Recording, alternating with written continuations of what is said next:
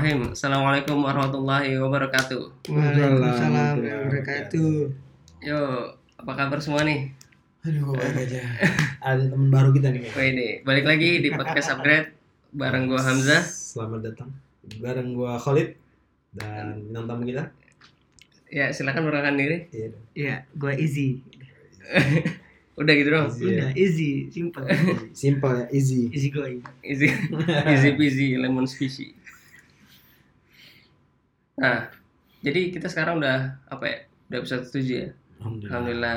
Konsisten ya. Iya, doakan konsisten. Terima kasih atas eh, apa ya, atensinya udah ratusan pendengar. ratusan ya. Alhamdulillah. Ratusan tuh kok 101 juga ratusan. Ya, terima kasih buat yang masih mendengarkan. Dan ya gue nggak akan lelah mengingatkan kalian untuk selalu eh, apa ya, selalu pantengin ya serah kalian mau komen mau hujat atau apa yang penting pantengin aja Instagram kita di upgrade.community oke kumaha nih bahas apa kita oh iya Bahas apa nih? Ini pekan ketujuh ya. Jadi kemarin udah apa sih kita kemarin tuh? kemarin Marifatullah Ma'rifatullah. Berarti refleksi keislaman. Dan Iya. sekarang enaknya apa nih? Ini sih? Kehidupan kita aja lah. iya kita ngebahas apa tentang produktivitas kita ya. Nah kebetulan nih ada teman kita Rede Easy yang gokil banget. Yang terbaik dari tinggi ya Wazik gimana sih sekarang sibuk apa sih Sibuk freelance. freelance. Oh ya Ngeplay. Ngeplay kerja. Izzy masih jomblo ya? Oh jadi iya. Ya, mohon maaf. buat temen-temen kok mau maaf sih? Iya, silakan gitu. ada peluang Insya Allah jadi eh oh ya tadi gimana sih sibuk apa? Lagi ngeplay kerjaan ya? Ya, jadi izin fresh ini graduate. fresh grade ya? Fresh masya Allah masih fresh banget nih. Kamu udah tahu nggak apa-apa ya. Oh, gue juga kan? sama kok. Gitu. Jadi nggak apa nih ceritain dikit ya? Santuy. Iya santuy ya. Jadi ya ini akan berhubungan dengan topik kita. Jadi disclaimer si Izzy ini eh, fresh grade gitu tapi agak telat dikit ya sih ya. tapi kita undang bukan gara-gara pengen jadi itu sih Iya. karena emang kita lagi kosong aja. Dan kebetulan agak relate nih dengan tema kita. Iya. Karena kita akan ngebahas apa yang sedang dialami oleh seumuran kita gitu ya. Dan mayoritas dan semuanya mungkin iya. Hmm. dan mungkin Izzy sekarang lagi fase-fase eh, yang cukup cukup erat banget karena benar-benar transisi gitu. Transisi antara eh, kuliah dan dunia kerja. Bukan Izzy doang gue juga oh sama iya oh iya juga. kalau Khalid ini transisi S2 Sama. Dunia S2 dengan dunia kerja gitu. Galau banyak ya. Iya. Tapi kalau gue pikir sih kita pernah nggak sih kalau seandainya momen-momen lebaran gitu kan ada jokes-jokes yang lagi nyebar kalau pas SMA ditanyain kapan mau kuliah kuliah di mana? Tapi Iya, kita relatif lebih tenang ya ngejawabnya nggak nggak soalnya pas lagi SMA bebannya kita- nggak terlalu ini ya iya soalnya banyak besar. alternatif banyak pilihan dan kita masih belum benar-benar baru diarahin ketika SMA tuh kayak saklek gitu jadwal 7 sampai jam 2 jam 3 gitu terus habis kuliah apa habis kuliah sekolah di mana mau kuliah di mana pas kuliahnya Semester berapa? semester berapa gitu gua udah Iya. udah jenggotan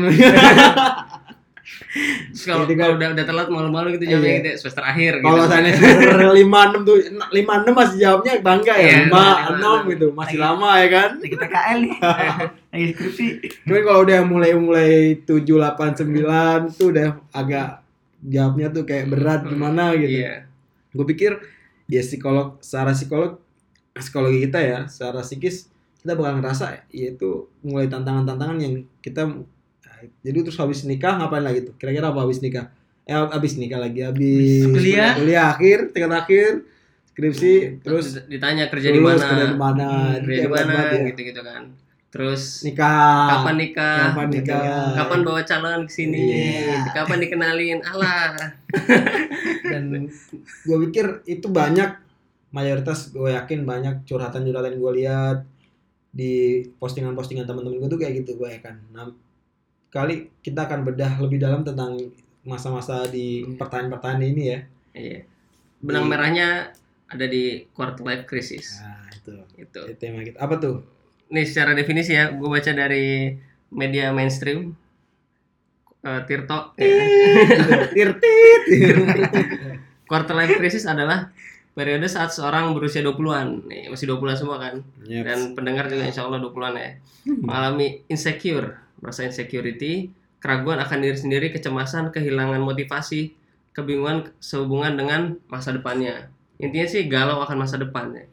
Jadi gue pikir emang emang nggak nggak masa transisi kuliah kerja doang, hampir semuanya gue pikir. Jomblo nikah, iya benar-benar. terus kerja kerja mapan nggak kerja kerja kerja nggak mapan jadi mapan. Iya. Itu segala itu macam. itu akan selalu ada sebenarnya kayak ujian-ujian kayak gitu. Cuman kalau quarter life crisis ini kita fokus ke ya emang rata-rata ya pasca kampus gitu. kampus. Karena itu mungkin saat-saat paling berat ketika kita ini menentukan nasib diri kita sendiri nih ibaratnya. Dulu kan waktu kuliah eh dari SMA ke kuliah itu pasti uh, ada campur tangan orang tua banyak nih. Hmm. Apalagi kalau misalnya orang tua tajir misalkan ya dia mau kuliah di mana bisa gitu kan. Iya. Bisa dibantu. Nah, kalau misalnya kerja gitu. Itu kan ya nggak semua orang tuh bisa ngebantu. Kita mau kerja di sini kan nggak mungkin juga orang tua punya masukin sama masukin sini gitu. Atau mungkin eh, eh bisa jadi sih kalau misalnya orang tuanya punya Link. punya link atau punya ini cuman nggak nggak sebesar waktu SMA gitu. Iya. Nah ini dalam menghadapi ini kan pasti itu akan lebih berat gitu dibanding sebelum-sebelumnya. Jadi tantangan tersendiri. Makanya ada satu step yang di state sama banyak orang ya quarter life crisis Iya. ini. Seperempat seperempat hidup. Terus kita mulai dari mana nih? Cerita kita aja lah. Cerita cerita dulu. Pasti ya. Pas transisi dulu Oh kuliah. iya. Easy lah. Aduh, harusnya yang lebih lebih ini nih yang sudah berpengalaman secara umur sudah melebihi kita Aduh, aduh. lebih seperempat abad berarti ya quarternya Oh iya, udah, udah udah quarter lebih lebih dikit siapa nih Easy lah Miss Mana, ya kan masih hangat. Ntar kalau seandainya dia ada cantolan-cantolnya kan recalling ke gue kan, jadi gue bisa nginget gitu. Oh, iya. Ya, Ya masih hangat tadi. Ya, sangat ya ya, nge-recall gitu akhirnya. Ya benar juga ya. Jadi lu apa apa yang lu rasain nih Nah. sekarang? Apakah lu merasa ada tekanan-tekanan tadi kayak merasa insecure, lu bingung masa depan nih nextnya mau ngapain nih gue ya? Mau misalnya mau kerja, mau kerja di mana atau mau bisnis, mau bisnis apa? Atau mau nikah, nikahin siapa? Nggak, nggak ada, nggak ada, nggak ada. Teman dia udah banyak. Udah banyak antri sebenarnya. aduh Cuma tinggal nunjuk aja siapa. Followernya udah banyak. Tapi buzzer. Follower bayaran. Nah, gimana sih? Apakah lu merasakan tadi tuh kayak keraguan, kecemasan, insecure, ngerasa Eh, mungkin sejujurnya memang Iya. Ya mungkin dialami oleh semua orang Iya, ya iya, nggak pasti. nggak cuman Iya. gue mungkin lu juga pernah ngerasain Iya, nanti kan? Gue juga gue juga. Iya, begini. Tapi kita punya jatah masing-masing lah Iya. kira. Ya, sebenarnya di masa-masa akhir studi itu kan memang ya terkadang memang orang mikir ah yang penting lulus dulu gitu. Nah, Skripsi lulus, sidang Hmm. kelar gitu kan. Wisuda kan eh, bisa kapan aja bahasanya seperti itu. Iya. Ijazah kan juga sudah jadi. Cuman memang ada kepikiran bahwa eh, kita pasti pusing ya. Memikirkan wah kita kan kerja di mana nih? Kita apakah lanjut S2 eh stu- studi lagi ya Mhm. atau mau langsung kerja?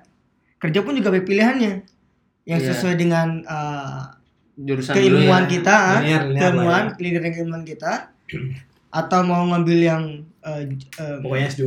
skill yang Hmm. maksudnya skill yang uh, yang kita dapatkan di organisasi atau yang lainnya Oh, iya, itu kan banyak benar. pilihannya bahasa seperti itu ya Iya, karena nggak semua apa ya sekarang juga banyak banyak juga yang Hmm. orang kerja tuh nggak sesuai dengan kuliahnya gitu betul kan apalagi bisa banyak gitu yang eh yang SPSP yang sarjana pertanian atau saya perbankan ya. dia kan lebih banyak kerja di bank ya begitu ya Iya. yang kita lihat lebih banyak seperti itu. nah atau yang yang ketiga bisnis begitu kan ya Mhm. Kayak gitu jadi atau malah nikah dulu nah, ini kan biasanya buat cewek nih biasanya biasanya cewek nah cewek mungkin lebih Lebih- banyak ininya Soalnya dia masa-masa akhir tuh 25 tuh udah alarm alarm buat cewek sebenarnya. Iya. Kalau Iya. yang OTW. alarm warning apa alert gitu ya ya ya sebenarnya itu yang kita apa ya maksudnya yang yang gua rasakan sekarang eh, setelah lulus ini memang ya akhirnya mencoba ngeplay di beberapa tempat sudah ada yang lolos administrasi Dan- Mantap. Kita doakan kan ya. Iya. Semoga terbaik. tapi itu ternyata nggak lolos oh tesnya iya Oh, belum rezeki ilmu rezekinya gitu dan memang eh, sudah beberapa tempat memang belum belum ada panggilan gitu dan memang di tengah zaman now yang sekarang ini gitu kan ya saingannya pun juga makin banyak gitu ya. Iya benar-benar. Apalagi bonus demografi kan kita sudah mendekati ke arah sana ya bonus demografi itu. Iya benar. Nah, itu juga ya itu juga menjadi tantangan lebih. Udah kita Makanya bahas ya di, di Iya. episode Iya. pertama ya. ya Dengerin ya episode pertama ya. siap. Saya sudah pernah dengar kok. Jadi itu Apa ada ada kaitannya memang antara bonus eh, demografi dengan quarter life crisis ini akhirnya rebut eh, bahasanya satu posisi bisa direbutkan oleh banyak orang begitu. Hmm. Bahkan posisi apa pun itu yang penting dah kita nggak ngeliat background kita apa nih sikat dulu aja. Ya sikat semua aja sikat dulu apply aja. semuanya gitu. Iya. Lolos kalau lolos ya itu rezeki nanti begitu bahasanya. Ini tapi ini eh ya tapi kalau keberlanjutan berbulan-bulan tidak ada panggilan juga itu juga makin bingung Tambah- lagi, makin pusing bebannya, lagi, makin iya. beban lagi seperti itu ya. Kayak begitu. Ya cuman gua di sini ya sambil ngeplay juga sambil nunggu wisuda juga kan. Apalagi ya kampus gua yang wisudanya tuh setiap bulan ada tapi gue nunggu 4 bulan untuk wisuda itu. Mahasiswanya Bijibun. Ya, jadi ya kondisi gitu ya, dari- dari sekarang ya? seperti itu. Jadi yang pilihan tadi gitu ya. Ya gue lebih ngambil eh, sekarang eh, lebih fokus untuk setelah lulus ini untuk eh, cari kerja dulu gitu. Kerja. dibandingkan Buat- dengan opsi-opsi lainnya Iya. yang lanjut Supaya- studi, bisnis dan nikah itu itu opsi nanti lah. Ya kan emang kerjaan buat nikah kan. Oh, iya. Dari yang nunggu soalnya. Banyak. Yuk, barangkali kita kita nikah duluan justru terbuka pintu rezekinya setelah Waduh. nikah. Waduh, ini top banget lah. Itu bisnis aja sih. Tapi juga nggak dilakuin ya. Karena belum ACC. Oh iya. ya, ya, ya. Susah, jadi jadi begitu jawaban lah. ke calon mertua. ya. Insya Allah. Lid, Lu dulu Oh, lah. gua dulu. Oh, gua dulu aja deh. Berat deh. Oke. gua dulu apa lu? Siapa dulu nih? Gua dulu aja deh. Ya udah. Eh, gua mandang eh life crisis ini di quarter ini nggak nggak mesti dia patok 25 ya Hmm. tapi di sekitar umur-umur seperempat abad kita jadi sekitar mulai umur 20 dua Iya. 20-an makanya gue setuju banget 20 sampai 20-an lah ya. Iya. Eh, sebenarnya gue ngerasa ada semacam alarm apa kesadaran gitu. Kalau gue tuh harus beranjak dari convert convert gue itu apa namanya ke kenyamanan gue pas lagi kuliah itu di semester akhir-akhir. Ya gue tuh masih nyoba eh, masih nilai bahwa ketika gue jadi presiden wakil presiden BM Hmm. atau organisasi itu gue itu masih nyaman sebenarnya. Dan gue tuh nggak berpikir pasca kampus tuh harus ada dunia yang gue lewatin dan gue harus menghidupi menghidupi ciri gue gitu. Bener, gue makanya pas kayak post power syndrome gitu. Gila gue ngapain? Ada. Bener sih. Emang rata-rata gitu. Banyak yang aktif-aktif kampus, pas kampusnya hilang. iya itu, Itu tuh makanya emang gue sih sebenarnya nggak nggak hilang ya. Mungkin mereka sadar. Menghadapi Iya realita. makanya. Gue harus lulus gitu. Gue harus Iya. lulus gitu. Makanya lulus gue termasuk cepet sih di antara yang lain. Saya cepat tuh dalam artian ini tanda kurung ya. Lima tahun 9 bulan karena emang wakil presiden gue di tahun ketiga yang saat itu wakil presiden dan presiden itu masih di tahun keempat jadi gue ada percepatan khusus gue itu Hmm. jadi gue nyalonin diri karena gue merasa lebih ya karena udah cocok aja disiap alhamdulillah mantap. pas waktu cuman nih pasca pasca jadi public Oke. figure itu ya kan Hmm. di gue bingung gitu dan gue sementara gue mesti balik ke jurusan biar warming up lagi keilmuan gue gitu tapi Bener-bener ini ya, hilang ya bener, organisasi. masih bener- jadi bener-bener ketinggalan. Alhamdulillah sih pas waktu itu nggak ada kuliah-kuliah yang ter C atau mesti ngulang yang parah nggak ada. Satu nggak nggak ada nggak satu pun nggak ada gitu. Artinya emang tinggal magang karena magang gue emang gue sengaja gue mundurin. Hmm. tinggal magang sama KKN sama tesis akhirnya pas gue balik tem- temen gue teman-teman gue udah pada step ahead gitu udah udah Nah udah ini juga nih salah satu beban buat quarter life crisis ini eh dari quarter life crisis ini ngeliat teman-teman lain nih pencapaian-pencapaiannya Iya, ada yang iya. nikah, ada yang kerja di perusahaan A, B, C, Hmm. gaji dua digit, gaji Terus, berapa, bla gitu. Lah, makanya pas di akhir-akhir itu akhirnya ya udahlah gue tesis dulu akhirnya gue harus berpikir Eh, skripsi apa tesis? Skripsi lah Oh, lu tadi gue ngasih Biasa lagi aja. lagi Semua nih. kita sekarang. mau sombong dulu Padahal krisis juga. jadi gue gue mikir ya gue harus kerja tapi kalau kerja kan harus gue ngelewatin satu step Tahap ya. Nah, step step namanya apa namanya wisuda Iya. makanya gue kejar akhirnya perlahan gue kejar setahun kan empat tahun ideal gue setahun setahun setengah karena ngaret post power syndrome gue tuh masih satu tahun. Jadi empat tahun gue udah mulai tesis tapi empat tahun setengahnya kan gue di tahun ketiga jadi wapres. Hmm. tahun keempat itu gue sempet balik magang. Magang gue lama. Proses bikin laporannya lama. Sampai setahun. Itu post power syndrome gue tuh. Jadi setahun. Lagi ngedown down ya. ngedon banget. Gue ngedon cuma bingung gue tuh mau ngapain. Balik kuliah mau ngapain. Nggak jelas banget pokoknya. Karena emang masa-masa transisi itu di saat gue sadar gue harus kerja dan teman-teman gue udah uh, pada maju. Terus di saat yang sama nggak ada temen di saat yang sama masih pasca apa pasca power syndrome tadi baik teman-teman gue masih minta-mintain gue jadi pembicara segala macam yang sharing. Hmm. akhirnya gue mulai nata-nata lagi sadar. Nah habis itu lulus.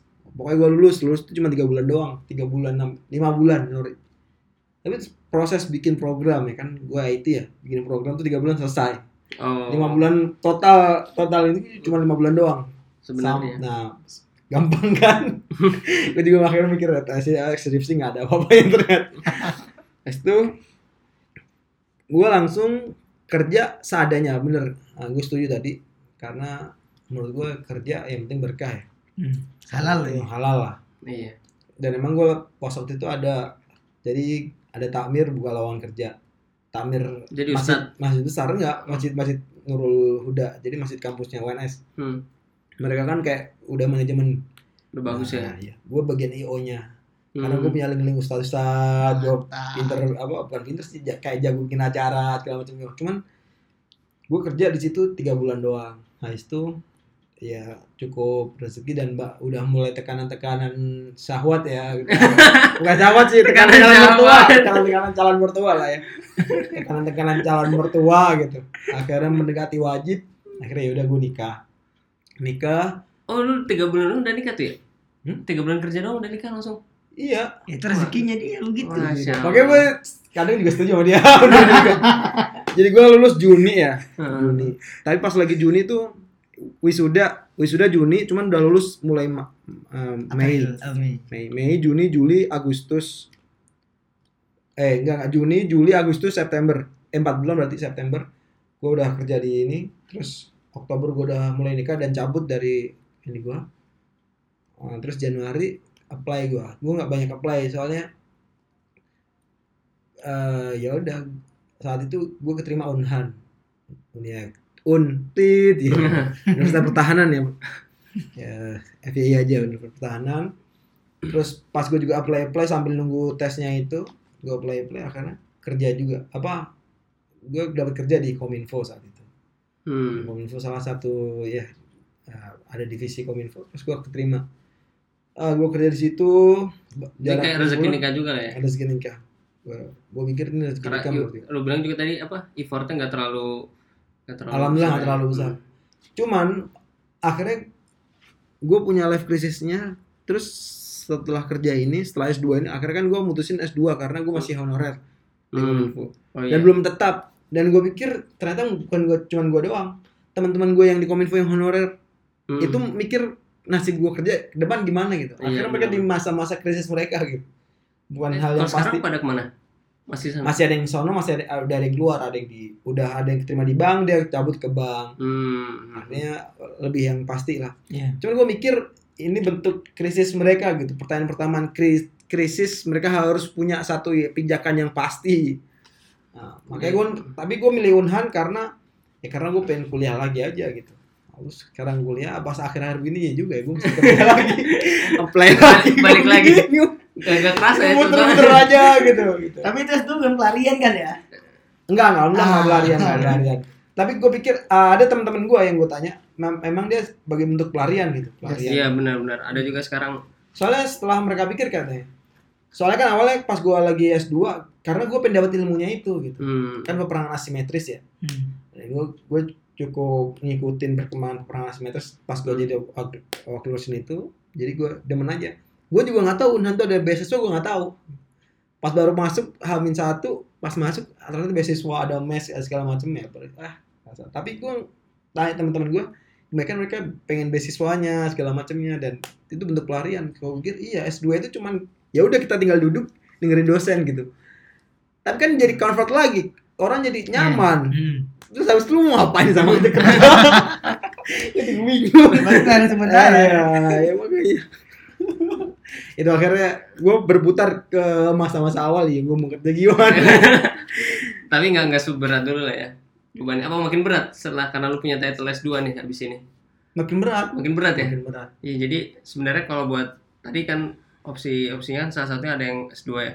Ya kalau bisa benar-benar S2 itu karena kebutuhan eh, kerja yang kalian butuhkan gitu. Maksudnya Iya. ilmu yang kalian butuhkan nanti ketika kerja gitu. itu benar banget Iya, jangan, jangan S2 kayak pelarian aja karena Yes. waduh, susahnya nyari kerja. Waduh, kebetulan buka buka tajir. Ya udah S2 dulu. Hmm. Sedangkan setelah S2, jadi gini case-nya bisa jadi setelah S2 kalau ilmu lu ilmu lu nggak merasa di sama perusahaan itu nggak dilihat gitu kan, S2 lu itu, lu akan compete dengan anak S1.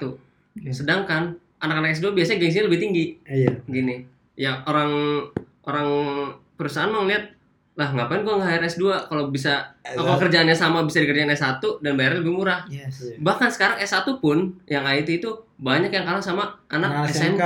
SMK, Betul coy. Iya. SMK lebih kecil lagi bayarnya kalau kerjaannya sama, ngapain Iya. gua nge-hire S1? betul Kosnya gitu. lebih, perusahaan lebih murah. Iya, UMR kosnya. SMK lebih bahkan skill-skillnya tuh lebih, lebih jago anak Iya. SMK daripada anak S1 tapi sekarang. case-nya itu case ini sih case case IT Iya, Kalau- ini case IT ya Iya, disclaimer ya. yang yang mas kalau masalah ekonomi sebenarnya masih masih Tapi bisa jadi harus. SMK kan sekarang sebenarnya emang jurusannya akuntansi itu bisa aja juga kan ya. Akuntansi terus apa perhotelan atau apa gitu-gitu kan. cuman gue ngeliat yang paling kenceng IT sih Iya, sekarang. Ya, ya di di zaman sekarang memang lowongan terbuka besar ya IT, desain grafis itu Iya. terbuka lebar bagi mereka. Ya sekarang berlomba-lomba universitas itu bikin jurusan IT, jurusan IT gitu kan. IT ini apa nih? Ilmu tarbiyah. oh dari apa tuh berarti ya, Islam terpadu. Islam terpadu ya. Aduh. Yang buat siapa nih gue? Kayak gue. Iya. Gue sebenarnya gimana ya? Dulu eh ya alhamdulillah perjalanan gue cukup mulus ya.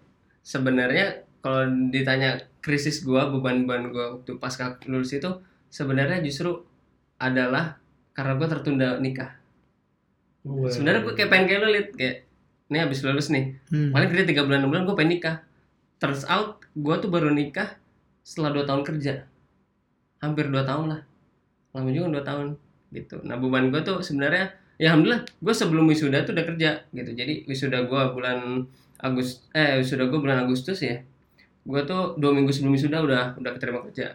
Ke, ke ini si eh ke Bukalapak. Iya BL dulu. BL, BL. gitu. Nah, alhamdulillah termasuk juga kak ya banyaklah eh, ya rezeki dari Allah. Kebetulan juga jurusan gue tuh IT. Dulu nggak kepikiran IT bakal se-booming ini kan. Alhamdulillah gue masuk itu dan eh, itu bisa keterima langsung eh, orang-orang butuh banyak kerjaan juga di situ kan. Eh perusahaan butuh banyak juga di sana dan gue bisa masuk langsung buka lapak.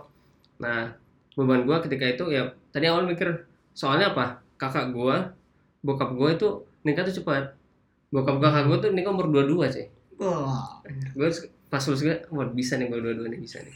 Lu nikah tahun berapa? Ternyata gue dua empat baru nikah. Gue dua lima lah ya. gitu. Nah itu ternyata abis gue lulus ya alhamdulillah mulus kerjanya tuh mulus alhamdulillah lulus. Nah ternyata ada masalah di keluarga dan ya sedikit banyak gue harus ikut membantu lah. Hmm. jadi gue nggak bisa langsung cepet nikah gitu secara singkat. Nah alhamdulillah setelah nikah itu juga sama kayak Holly tadi ya ada aja rezekinya.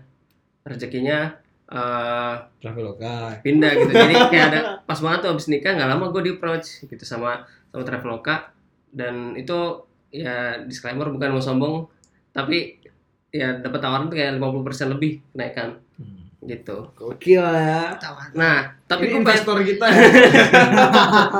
Tapi gue juga pengen ngasih uh, ke teman-teman semua gitu buat yang sebenarnya quarter life crisisnya mungkin nggak terlalu beban yang nggak terlalu besar mungkin kayak gue gitu dalam hal mencari kerja ya itu cepat jangan kalian merasa tenang-tenang dulu gitu Hmm. jangan kalian merasa apa namanya wah gue udah enak sekarang hambur-hamburin duit gitu nggak nggak mikirin tabung nggak mikirin masa depan karena gue punya cerita ada kakak kelas gue senior gue agak jauh umurnya dia tuh dulu satu alma mater sama gue ketika dulu pas dia fresh grad itu Hmm. lagi zaman seksi-seksinya telco telekomunikasi Hmm. gitu semua perusahaan telekomunikasi itu booming gitu. Tel- nggak nggak cuman kayak Telkomsel, Excel dan seterusnya cuman sampai infrastrukturnya juga gitu. Hmm. kan kan banyak anak perusahaan infrastrukturnya dan lain-lain gitu ya.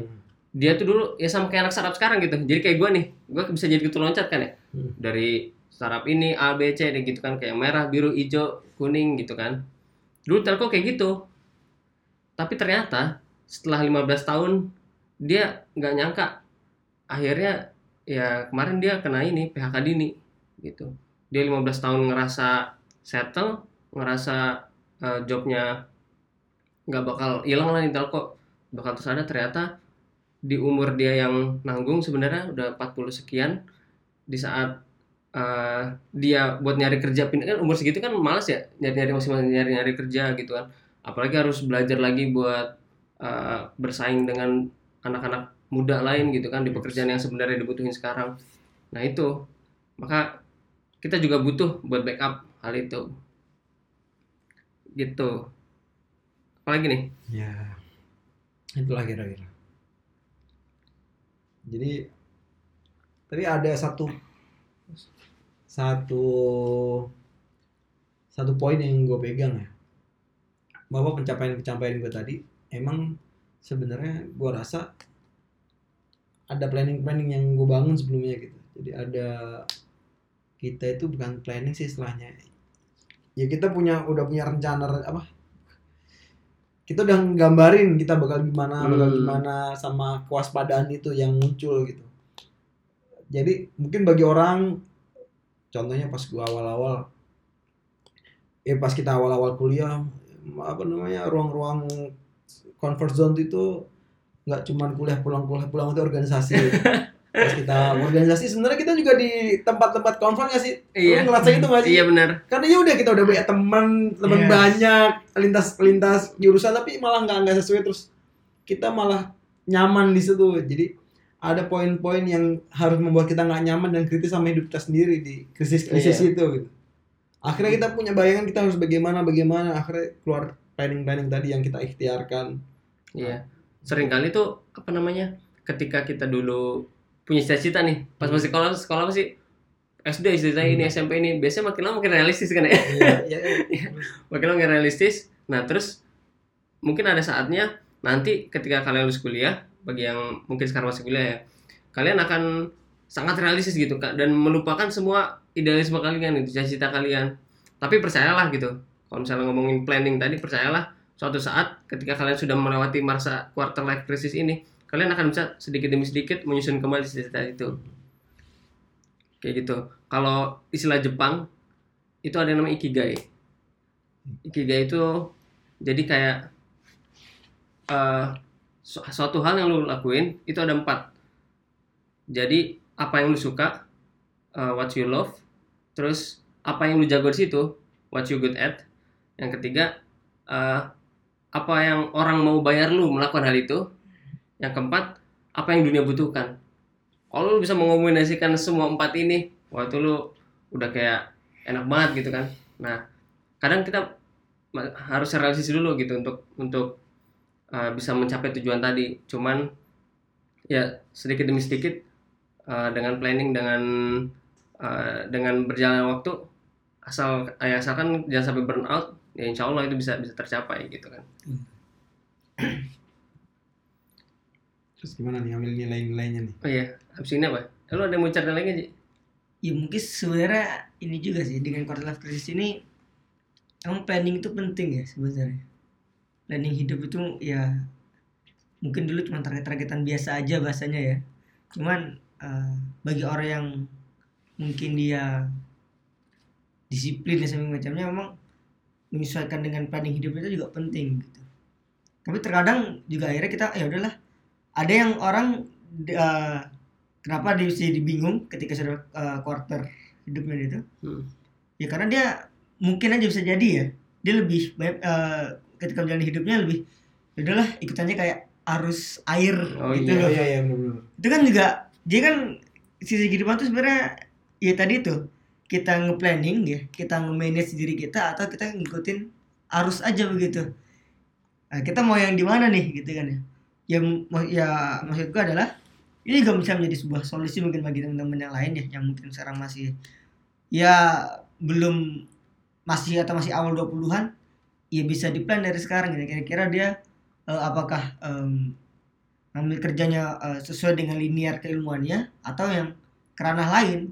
Karena kalau sekarang mau ambil kerana lain tuh contoh ke akuntansi itu dia perlu ada kursus brevet segala macamnya terus kalau Hmm. misalkan ketiga dia harus eh, HSE ya health, health apa namanya health and safety environment itu HSE itu dia harus ada sertifikat K3 dulu misalkan. Terus kalau misalkan mau eh apalagi eh, di HR sekarang itu lebih banyak orang psikologi yang dia lebih eh, dia bisa eh, menggunakan alat tes psikolog itu begitu. Jadi banyak macam-macamnya. Kalau mau linear ya tadi itu kalau nggak mau linear ya cari kursus yang sesuai dengan apa yang dia ingin ambil itu.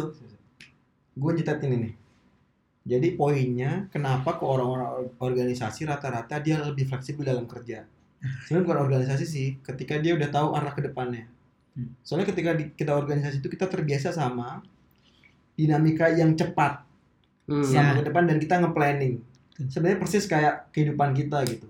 Kita ditandain di mana meskipun bukan orang cuman organisasi doang ya.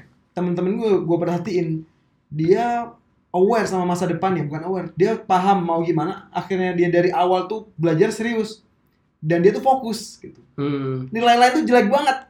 Tapi sekarang nilai-nilai yang dulu jelek tapi dia fokus dari awal sekarang temen gue ada yang kerja di uh, startup Estonia.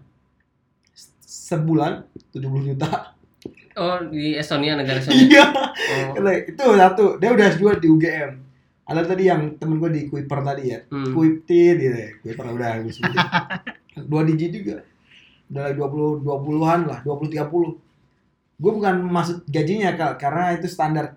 Tapi dia udah punya rancangan masa depan. Gue lihat tuh emang dia baca fokus itu aja. Baca PDF terus belajar langsung. Dan orang juga keren. Artinya gini ketika kita sadar kita bakal ngelewatin sesuatu hal yang realistis di masa depan gitu. Terus kita udah belajar untuk menghadapi dinamikanya kita akan lebih mempersiapkan kebetulan aja ketika kita mempersiapkan di organisasi sama ke keadaannya gitu. Bukan secara keilmuannya ya sama Hmm. keadaannya. Jadi ket- ketika kita lulus atau dihadapkan sama krisis apa pun kita udah mencoba belajar dari situ gitu. Akhirnya kita nge-planning gitu akhirnya kita nge-planning. Jadi itu yang gue dapetin dari organisasi. Tapi yang pengen gue tandain tuh ada yang tadi yang gue balik di awal tadi ada satu yang mesti kita pahamin yang gue satu poin kita itu aware gitu. Sehingga kita nge-planning. Jadi kita tuh sadar Hmm. bahwa akan ada dinamika yang akhirnya kita berontak jiwa iya gitu, harus harus gini. Soalnya teman-teman gue yang dari awal nggak ikut organisasi dan dia di kuliah-kuliah aja kenapa dia gak maju? Ada juga belum sampai belum sampai sekarang belum lulus. Dan Hah? kerjanya biasa-biasa aja. Temen gue itu. Hmm. tapi udah kerja sih. Dan kerja biasa-biasa. Bukan gua ngerendahin ya. Karena gue lihat iya iya sama sih. Karena nggak ada itu. Dan gue sempat kayak gitu pas power syndrome itu. Gue sempat tuh nggak ya udah sih gue enak santai. Tapi gue udah nggak punya jabatan gitu. Nggak punya tahta gitu kan.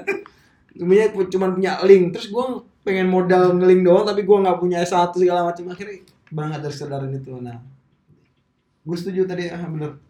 Ada sih dari Iya, dan juga penting buat eh, tadi buat ngeplan tadi kita harus punya banyak soft skill lah ya. Kan berarti kan Yes. soft skill gitu nggak cuma hard skill. Karena kalau balik ke cerita gue yang tadi senior gue yang telco udah hilang kan kalau nabrak kita nggak bisa belajar hard skill yang baru gitu kan pasti kan soft skill kan balik lagi. Minimal kayak ya cara kita bisa jualan gitu kan jualan Iya. paling basic kan kayak komunikasi sama orang Mhm. dan ya itulah yang akan jadi backup kita buat Oh, iya. selanjutnya kayak gitu terus Wah penting juga itu bro iya soalnya hidup kan nggak cuman buat karir Iya. skill kita skill Iya. kita pasti cepat berubah gitu kan lagian krisis Iya. kita kan eh kuliah itu kan nggak nggak menjamin kesuksesan orang cuman dia membuka cakrawala apa membuka cara mandang aja ya gitu. cara pandang. Yes. Banyak juga kan kasus-kasus yang dia kerja nggak sesuai bidangnya gitu. Hmm. banyak gitu banyak. Iya banyak. Dan dan lebih beberapa banyak lebih sukses sih di yang orang-orang kalau dia entrepreneur itu rata-rata yang gue lihat banyak yang sukses gitu. Apalagi ketika dia punya hobi hobinya dibayar. Nih. itu kunci banget tahu gak sih pas contohnya kita hobi main bola gitu. Kita main bola terus olahraga tiap hari gitu. Itu bukan gara-gara kebutuhan orang karena kita butuh terus dibayar gitu. Eh, tapi tapi juga gini guys. Gue pernah denger ya. Jadi nggak nggak selalu seindah itu. Karena beda beda ketika jadi ada gini. Sekarang kan ibaratnya cita-cita tuh udah makin lebar ya. Hmm. makin ini makin banyak pilihan lah. Ada mu- mungkin anak sekarang bisa jadi mau jadi apa? Mau jadi youtuber gitu kan. Hmm. mau jadi selebgram. Ada yang mau jadi apa e-sport gitu. Atlet-atlet e-sport ada juga kan. Hmm. nah gue pernah dengar cerita dari atlet e-sport emang hobi dia itu main game kan. Cuman ketika dia udah jadi jadikan itu pekerjaan dia ini mungkin tapi beda-beda tiap orangnya. Hmm. ketika itu jadi pekerjaan dia tuntutannya beda. Kalau hobi kan gak ada target nih. Iya. hobi main-main aja gitu kan. Iya. tapi ketika itu udah jadi ada target terus harus dikerjain itu terus terus lama jadi kerasa kerja juga gitu. Meskipun mungkin ada nilai plusnya ya emang emang nggak nggak nggak selalu hal itu bisa works ke semua orang sih. Hmm. Gitu. Kadang emang kita perlu keluar dari rutinitas gitu. Kan hobi kan biasa itu ya. Kita Yes. keluar dari rutinitas kita dan untuk refresh supaya pas balik ke rutinitas jadi bisa uh, lari makin kencang gitu kan. Tapi kan itu rutinitas juga. Makanya gue tadi ini rutinitas yang hobi gitu. Yang hobinya Ya. harus masuk ke rutinitas. Iya.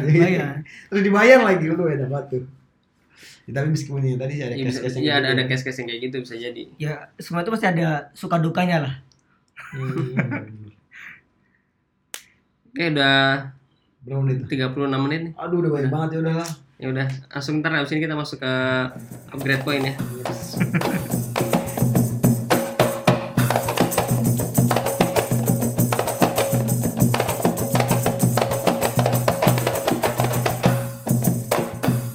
Ya eh, balik lagi.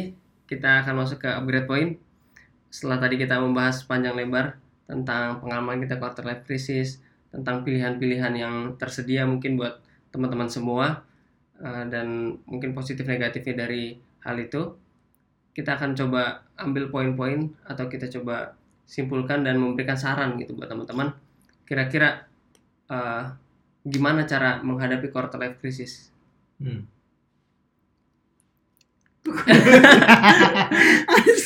oh iya dari gua dah nih.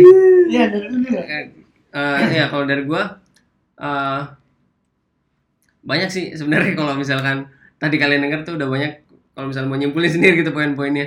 Cuman satu hal yang pengen gua fokusin di sini adalah eh jadi kalau buat yang setelah ker- setelah kuliah itu pengen kerja gitu menurut gua eh, carilah perusahaan yang sebenarnya nggak mesti atau pekerjaan yang sebenarnya nggak mesti itu apa yang kalian sukai gitu. Atau kalian terlalu idealis gitu. Terlalu idealis dengan uh, apa yang kalian pengen. Harus harus oh ini harus uh, sesuai dengan jurusan gua nih. Harus sesuai dengan ilmu gua nih. Kalau menurut gua at least lu keluar dulu ngelangkah sa- ngambil satu langkah gitu. Kalau menurut gua ya ini jadi ngambil satu langkah keluar dari uh, quarter life crisis tadi.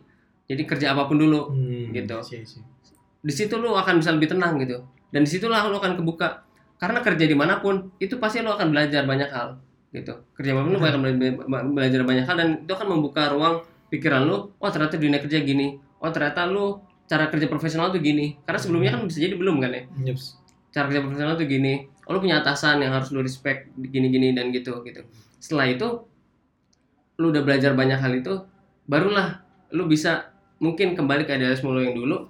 Tapi syukur-syukur ya alhamdulillahnya kalau bisa dari awal udah sesuai idealisme dan akan terus berlanjut tapi nanti akan ada suatu saat kayak gue sekarang juga itu bahkan gue eh, ya alhamdulillah sesuai dengan passion tapi ternyata banyak juga pilihan-pilihan dunia kerja yang yang akhirnya membuat gue berpikir lagi mungkin quarter life crisis juga mungkin tapi versi mini gitu.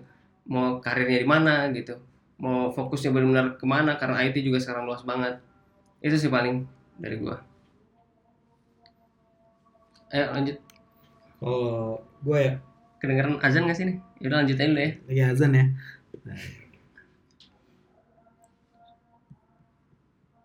Eh, kalau gue ya, gue hampir sama sebenarnya kayak Hamzah, cuman lebih ke pertama jangan terjebak dulu, jangan sampai terjebak bahwa sesuatu ya kayak persis kayak kuliah lah, sesuatu hal yang menjadi pekerjaan kuliah kita itu nggak mesti secara langsung akan menjadi jaminan untuk kerja kita gitu. Makanya kita jangan terjebak. Kalau misalnya kita udah open mind bahwa kita itu bisa kerja di mana aja gitu. Yang penting kita punya status yang lebih pasca kam pasca kampus udah punya kerjaan gitu kita nggak nggak usah nggak usah ngehilangin idealis apa nggak nggak usah pakai idealis yang terlalu tinggi gitu meskipun memang kalau bisa sesuai karirnya sesuai linear sesuai kuliahnya kayak gimana bagus gitu cuman kita mesti pahamin bahwa ada banyak pekerjaan yang masih dibutuhkan banyak orang dan kita bisa ke sana. Makanya syukur-syukur kalau sana kita bisa masuk ke karak sesuai dengan keilmuan tapi juga nggak menutup kemungkinan di yang lainnya gitu. Soalnya kampus itu yang gua tadi stat juga nggak menjamin kesuksesan orang gitu. Dia hanya membuka cakrawala orang hanya menambah cara pandang orang doang gitu. Sedangkan untuk kesuksesan banyak. Eh, termasuk artinya contohnya berdagang atau entrepreneur atau yang lainnya. Sehingga kita ngerasain dunia kerja yang harus kita apa namanya kita hadapi gitu sebagai suatu realita untuk mencari nafkah gitu. Itu makanya kita jangan sampai pertama jangan terjebak. Terus kita juga harus bergerak tapi juga terjebaknya nggak usah mem- maksud gue adalah terjebak idealis ya harus kita buka open mind. Terus yang kedua emang kita harus senantiasa apa namanya paham bahwa apa, menabrak ah, zona nyaman. Gue pikir soalnya kalau di semester semester awal itu kenapa kita nggak paham akan tesis? Karena kita terbiasa di tiga tahun itu dapat kuliah yang mungkin kita tinggal ngambil. Hmm, Iya benar ya. ya, kita tinggal ngambil terus kita tinggal datang ke kuliah terus dengerin. Tapi di akhir-akhir harus ini ya. Pas di akhir-akhir karena mungkin kita udah terbiasa dengan hal seperti itu cuma skripsi doang gitu doang satu doang cuman Hmm. akhirnya terbuai dan kita nggak keluar. Sebenarnya sama aja. Tesis tuh apa? Skripsi tuh kayak step wisuda cuman pasca pasca semester 6 atau 7 gitu. Hmm. wisuda tuh sama step pasca skripsi gitu. Hanya beda bedanya kenapa semester 1 sampai 6 itu lebih mudah karena kita dikasih di bahasa itu disuapin tapi kalau udah skripsi ya akan beda. Makanya kita harus ngebuka apa namanya kesadaran diri kita bahwa kita harus melangkah gitu, di umur-umur kita harus melangkah umurnya harus produktif gitu. Ma- makanya gue kalau eh, sharing sama orang atau pas lagi kita kalau lagi ngaji-ngaji ngumpul-ngumpul gitu yang paling disemangatin kan ente udah bisa ngapain di umur segini gitu. Ente udah bisa ngapain?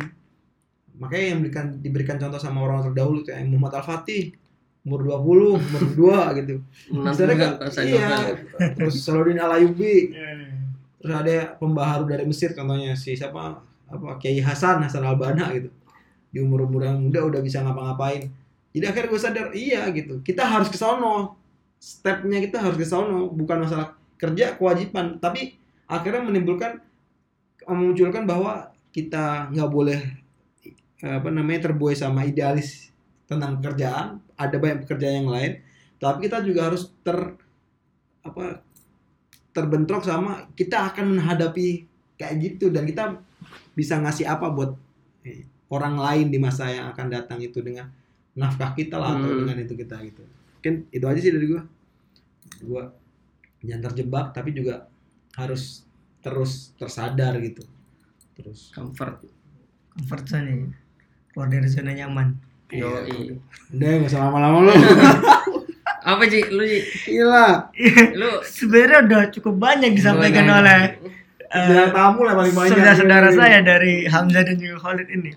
Cuma memang kalau poin eh, kunci poin gue adalah eh, memang eh, yang tadi gue sampaikan juga sih sebenarnya adalah eh, plan atau mengcreate masa depan kita tuh ya seperti apa dari ketika kita sudah masuk kuliah itu gitu kan ya.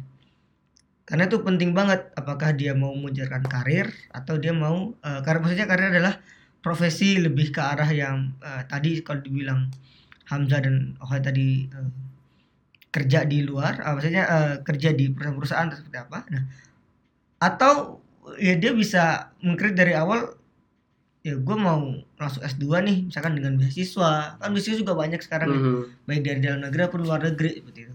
Karena kalau jeda lama eh, misalkan kalau kita mau S2 ci- eh, kita nganggur dulu nih. Baru ada pelarian eh, baru pikir udah nganggur setahun ada bekerja Hmm. baru ya udah S2 aja lah kayak gitu kan ya. Karena ada Iya. begitu itu juga sebenarnya nggak bagus juga. Karena ya bisa jadi dia akan meng ulang lagi setelah di S2 dia mau ngapain gitu. Apakah mau jadi dosen ya Iya. eh, sebagai pendidik atau eh, mengejar karir di perusahaan atau di tempat mana pun itu? Seperti yang bilang Hamzah tadi di awal kalau dia akhirnya nggak punya pandangan ketika di S2 itu ya dia akan kalah oleh ya akhirnya setara dengan S1 atau anak SMK yang bayaran lebih di murah bawahnya gitu ya. kayak cost secara cost apakah lebih murah gitu. Ya atau tadi itu kita em, apa namanya ya langsung cari kerja gitu kan entah itu sesuai dengan linear keilmuan ataupun di luar eh, keilmuan kita penting ada sebuah experience begitu ya. Sebuah pengalaman Hmm, iya, benar. kan. Karena experience itu penting juga gitu kan Iya, mungkin gua nambahin dikit. Jadi di dunia kerja tuh itu benar-benar kayak kalau lu pernah intern, pernah magang atau ya freelance gitu, itu penting banget sangat kelihatan di dunia kerja. Karena benar kalau kuliah doang tuh semuanya kuliah doang, IPK tinggi banyak sekarang IPK Hmm. tinggi. Gitu. Itu nilai plus banget. Lanjut, Ji. jadi ya masalah experience juga penting ya Eh, ya ya titik poin gue sih ada tadi itu di planning itu gimana kita berurusan planning itu ya kalau lo mau, mau bisnis dari awal ya belum benar fokusin Iya. bisnis gitu kan ya jangan sampai eh, bisnis itu putus baru lanjut lagi enggak karena bisnis itu kan ya. Salah satu alternatif doang.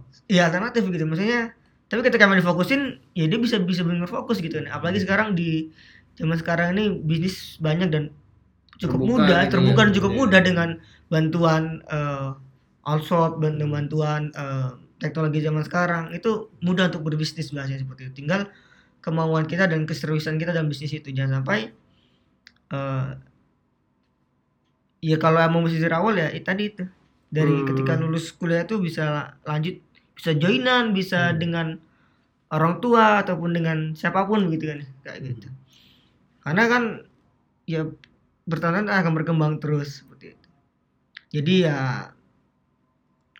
untuk eh, mengatasi level risiko kita seperti itu apalagi kita di zaman eh, di zaman sekarang ini walaupun ya kita masih masih termasuk dalam quarter life itu ya Hmm. Kita juga yang sekarang nih yang terjadi mungkin parah adalah kita terlena oleh game-game yang Oh. sangat luar biasa Iya, akhirnya banyak sih itu teman-teman itu gua juga, juga. menjadi buat gue juga keluarga. Ya, itu bagaimana kita juga penting juga sebenarnya game itu cuma kita bagaimana memanage tadi itu ya memanage game itu ya hanya sebatas sebagai refreshing aja gitu kan maksudnya oke kalau mau difokusin ya kalau udah pro ya alhamdulillah kalau udah noob terus kan kalau noob terus kan Stres sendiri nih. iya stres sendiri buang-buang waktu juga akhirnya ya nggak jadi pro gitu kan ya ya seperti tadi yang dibilang hobi yang dibayar gitu kan seperti itu ya kalau dia pro ya alhamdulillah dia dibayar justru ditarik ke tim e-sport e-sport mana seperti itu jadi ya create dan plan lah dia Iya. masa depan kita ya sebelum kita menyesali Sedih apa yang sebelumnya? Iya. Eh gua mau nambahin dikit nih. Jadi tadi juga udah agak singgung sebenarnya sama Izzy. Jangan takut mencoba juga gitu. Hmm. Terus berusaha gitu. Jangan takut mencoba mumpung masih muda. Kalian ya kita semua lah, kita semua masih masih banyak eh, tenaga, masih banyak energi, masih banyak eh, ruang buat belajar gitu. Jangan jangan takut mencoba, cobalah semua. Kalau bisa pindah-pindah eh ini nyambung kali juga ya, jangan di zona nyaman satu gitu. Jangan di zona nyaman satu tempat ya coba kalau kerja misalnya mau pindah-pindah mau cari pengalaman lain itu itu nggak masalah mau nabrak eh, eh, apa namanya profesinya gitu kan itu itu nggak masalah gitu mumpung masih muda. Nah terus juga eh, setiap orang tuh punya waktu yang masing-masing gitu. Ketika lu mungkin a- ngelihat orang lain teman-teman kalian gitu udah ada yang nikah udah ada yang punya kerja di level tertentu itu jangan jangan jadi beban gitu. Karena yakinlah bahwa setiap orang tuh punya punya time zone nya masing-masing gitu. Kalian kalian pernah dengar punya zona yang masing-masing. Nggak nggak ada kata terlambat eh, ketika kalian baru mungkin nikah umur sekian baru kerja umur sekian tuh nggak ada kata terlambat selama kalian itu berusaha dalam menjalani prosesnya gitu. Terus juga jangan lupa kalian terus berada di lingkungan yang baik jangan sampai eh, karena kalian gak ada kerjaan itu ntar eh, gimana ya jadi berada dalam satu lingkungan yang nggak baik ya misalkan tadi kecanduan game dan seterusnya atau nauzubillahnya misalkan kalian stres sendiri gitu bikin beban sendiri di kosan dan gak ada yang tahu nah kan nauzubillahnya kalau misalkan sampai terjadi apa-apa gitu kan. Itu aja paling ya. Cukup insya Allah. Cukup insya Allah. Ya thank you yang udah dengerin sampai episode ketujuh ini.